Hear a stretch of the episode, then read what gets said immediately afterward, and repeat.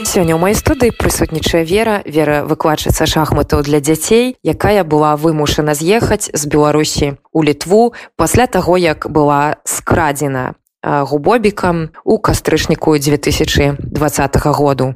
Вітаем вас вера.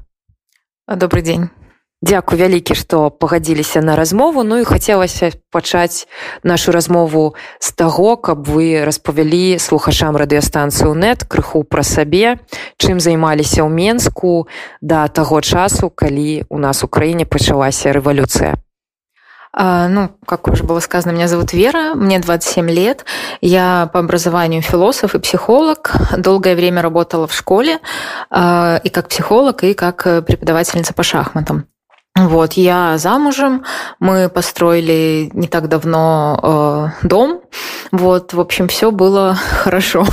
А, но эм, когда началась э, кампания предвыборная, то есть э, я, как и все, как и большинство людей, в это все вовлеклась, хотя до этого не могу сказать, что была сильно политически ангажирована.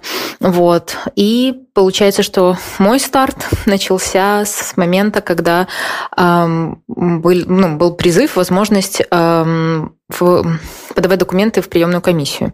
Вот. Естественно, мне отказали. Вот. И первый уже такой осознанный, сознательный более выход был 14 июля, когда отказали в регистрации Цепкала, Бабарика. Вот. И тогда для меня это вообще был первый выход на акцию. И сразу он получился достаточно жестким, потому что мы оказались в, на Немиге, в сцепке, прямо в первом ряду перед ОМОНом. То есть и ну, вот это был старт, после которого уже было понятно, что либо я, либо мы, либо никто. Вот.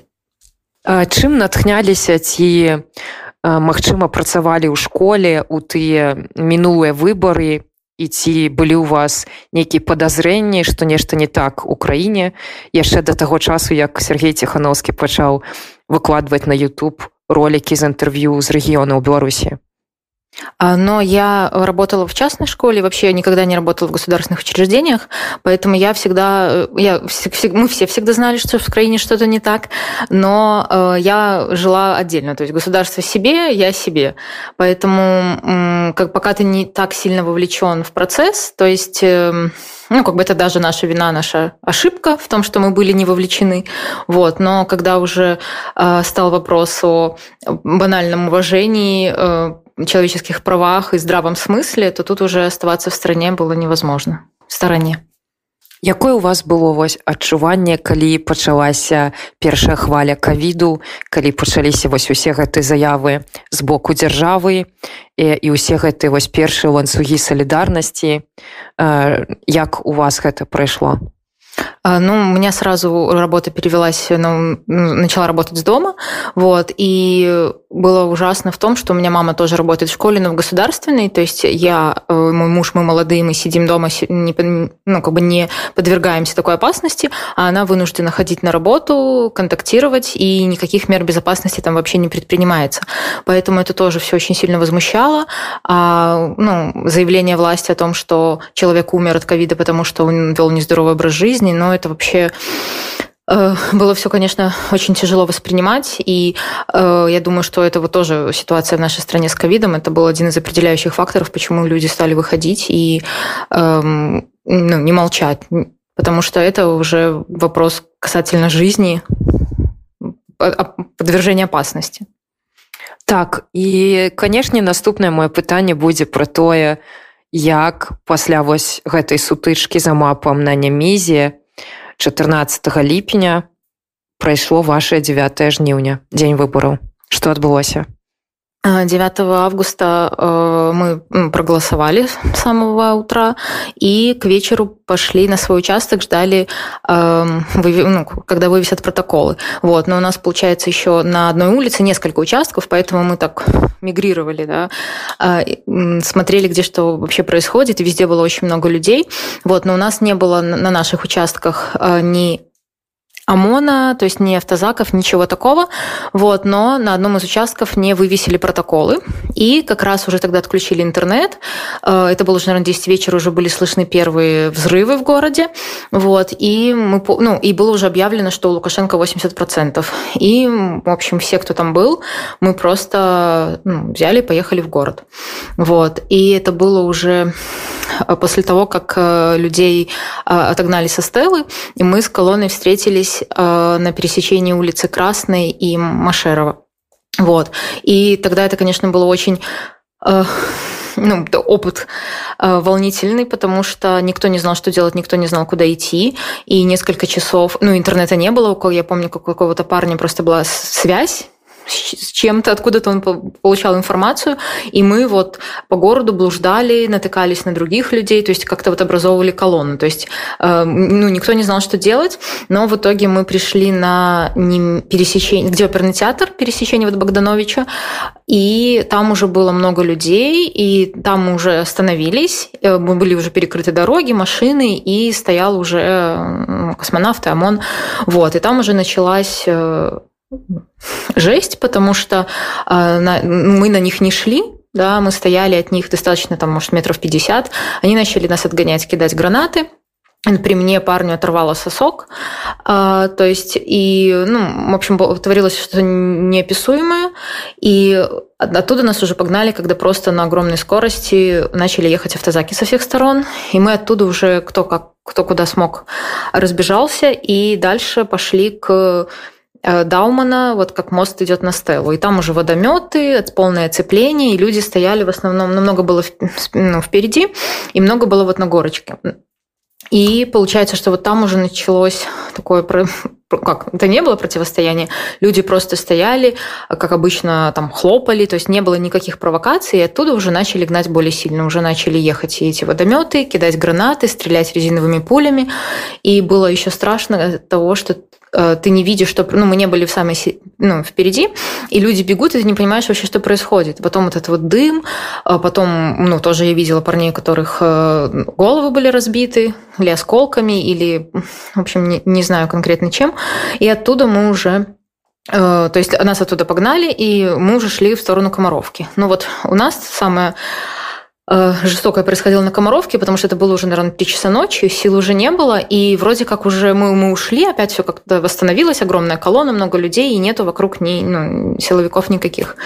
Вот. И решили, мы, например, э, я с, с теми, с кем я была, мы решили чуть-чуть присесть и отдохнуть, вот, чтобы как-то перевести дух и идти дальше. Основная колонна пошла в сторону Куба Колоса, ну, а мы как бы остановились, и тут просто э, со всех сторон начали ехать автозаки, выскакивать, выскакивал ОМОН, и ну, пришлось бежать, и получилось так, что у нас ближе всего было это узкий проход между паркингом и Комаровкой. Прямо вот мы туда бежим, а там уже в середине этого прохода э, стоят ОМОНовцы, вот ни, ниоткуда, и на отмаш просто э, бьют. То есть они не пытались кого-то схватить, они пытались именно попасть и ударить. И когда мы уже бежали, там тупик, там забор, Пришлось перелазить через забор, а, как известно, никто не шел на войну, все были там шорты, майки, шлепки, там платья даже, и приходилось просто, мы там ставили мусорные баки, э, как-то пытались через них перелезть, ну, просто нам, наверное, повезло в том смысле, что они за нами не побежали, потому что если бы они побежали, они бы схватили всех. Вот. Ну дзякуй Богу вам удалося выратавацца на прыгорку ля стэлы стаяла я. У то, тым самым э, жэрсці які вы узгадалі. Мне вельмі заўсёды прыемна пачуць гісторыі тых хто таксама быў у горадзе і да нас не дабраўся наўпрост але маё наступнае пытанне у якой прыкладна колькасці акцыяў вы прынялі ўдзел з гэтага часу? Ці выходзілі на жаночы маршы з кветкамі на мірныя супраць гвалту у краіне? І што адчувалі плакалі калі даведаліся пра тое што рабілі з тымі кому менш пашанцавало той дзень а, у нас, э, у меня был интернет в течение э, рабочего дня, то есть он отключался только вечером, поэтому 9, 10, 11 мы все это видели, в принципе, все эти новости, видео. А, ну, что чувствовали, ну, это не, ну, не писать. И когда первый был женская цепь, то я потом на следующий же день организовала такую же цепь у нас на районе в Зеленом Луге. И поэтому вот э, первоначально на все женские марши и цепи я выходила ну, везде. Вот потом уже, когда начались марши более крупные, тоже э, пропустила один там из-за болезни, а все остальные из-за того, что уже была в местах заключения. разумею ну вось мы падышлі до нашай сумнай тэмы мне вядома что вас як і мяне скралі недзе ў горадзе калі можна коротко про гэта распавесці что адбылося А, Но ну, меня задерживали два раза. Первый раз меня взяли у нас на районе, когда мы вешали ленточки на забор. А, меня да, взяла наша местная милиция, они просто заехали на тротуар с мигалками и схватили того, кто был с краю. Вот. И у меня был тогда опыт общения с ними, и меня ну, перевезли тогда на Крестина, я провела там трое суток. Вот. И это даже ну, было такой достаточно перед женским маршем большим, когда всех задерживали. То есть я сидела даже не с политическими, нас политических было только двое в камере. Вот. И в итоге потом меня отпустили ночью, когда закончилось 72 часа, и потом у меня было два суда, потому что на первый суд не явился, а меня обвиняли в сопротивлении милиции. Вот. А не явился свидетель, а потом, когда он уже пришел, он сказал, что, ну, в общем, у меня там было в протоколе, что я его хватала за э, форменное обмундирование, там отпиралась. Вот, он пришел, сказал, нет, ничего этого не было, я уже не помню, ничего не знаю. То есть, по сути, он отказался от своих показаний, но судья все равно э, осудила меня, и у меня был тогда штраф 20 или 25 базовых, уже не помню. Вот, но у нас просто было очень активно на районе деятельность. Вот я была в числе тех, кто ну, активно этим занимался. Вот, и, видимо, после этого меня взяли на карандаш, потому что когда я вышла, то есть, ну, у меня моя деятельность не завершилась, меня это не, тогда не испугало и не сломало. Вот, и это закончилось все тем, что в день перед моим днем рождения я возвращалась домой, а, и это был час дня, я живу в частном доме, я просто шла по своей улице и смотрю, на встречу едет бус. Но никаких подозрений у меня вообще не было. Я повор... ну, просто поворачиваю к своей калитке, тут выска... еще в наушниках была, не слышала ничего, и ко мне просто выскакивают Э, трое мужчин, спрашивают, девушка, вы не знаете, что там за машина припаркована? А я еще и слышу плохо, ну, достаю наушники, говорю, что происходит? И меня просто хватают, сажают в бус и надевают мешок на голову. И говорят, Вера, не бойтесь, мы из милиции. Вот. И в итоге э, мне еще сказали, что э, мы видим, что вы нормальный человек, мы нам, вам наручники не будем надевать. Вот. И вот с этим мешком меня уже привезли куда-то. Я до сих пор не знаю, где я была. Но, скорее всего, как потом я поняла из, от людей, которые тоже, которых тоже так похищали, что, скорее всего, это было КГБ, где, э, как в фильмах, меня посадили на стул, только тогда сняли мешок, и передо мной сидело там два э, молодых достаточно человека. И э, сразу достали уголовный кодекс и показывают, что если вы с нами не сотрудничаете, то это статья за организацию, если сотрудничаете, да, то отделайтесь административкой. Вот. Э, ну, в итоге они пытались, ну не пытали, они пытались от меня выведать э, какие-то имена, как мы все делаем, как мы собираемся на марш, как мы организовываемся, то есть куча-куча вопросов, но у них был мой телефон у меня, потому что он был открыт, когда меня взяли, его сразу вырвали, то есть им не пришлось ничего взламывать, они там изучали наши чаты все, в общем, полностью все вскрыли, но э, на счастье мое и моих товарищей, э, то есть никакой информации они не получили, вот, меня заставили тогда еще написать чистосердечное признание по всем пунктам, по всем фотографиям, фотографиям, по всем чатам на 5 листов. Вот. И как бы, ну, мне грозили тем, что я еду сейчас куда-то надолго. Но на тот момент мне было страшно от того, что, может быть, если они взяли, хотя они взяли два номера телефона из моей книжки, ну, телефонной книжки, вот, которые они посчитали, что связано как-то с деятельностью. Вот. И потом уже это длилось, наверное, часа 3-4 этот допрос, ну, по, по ощущениям. Вот. И оттуда, опять же, с тем же мешком на, голо, на голове меня уже отвезли и, как оказалось, в центральное РУВД. Вот. А там они, по сути, составили протокол э, по 2334 за участие в марше, который они просто могли подтвердить э, фотографии с телефона. То есть им нечего было мне, кроме этого, по сути, предъявить.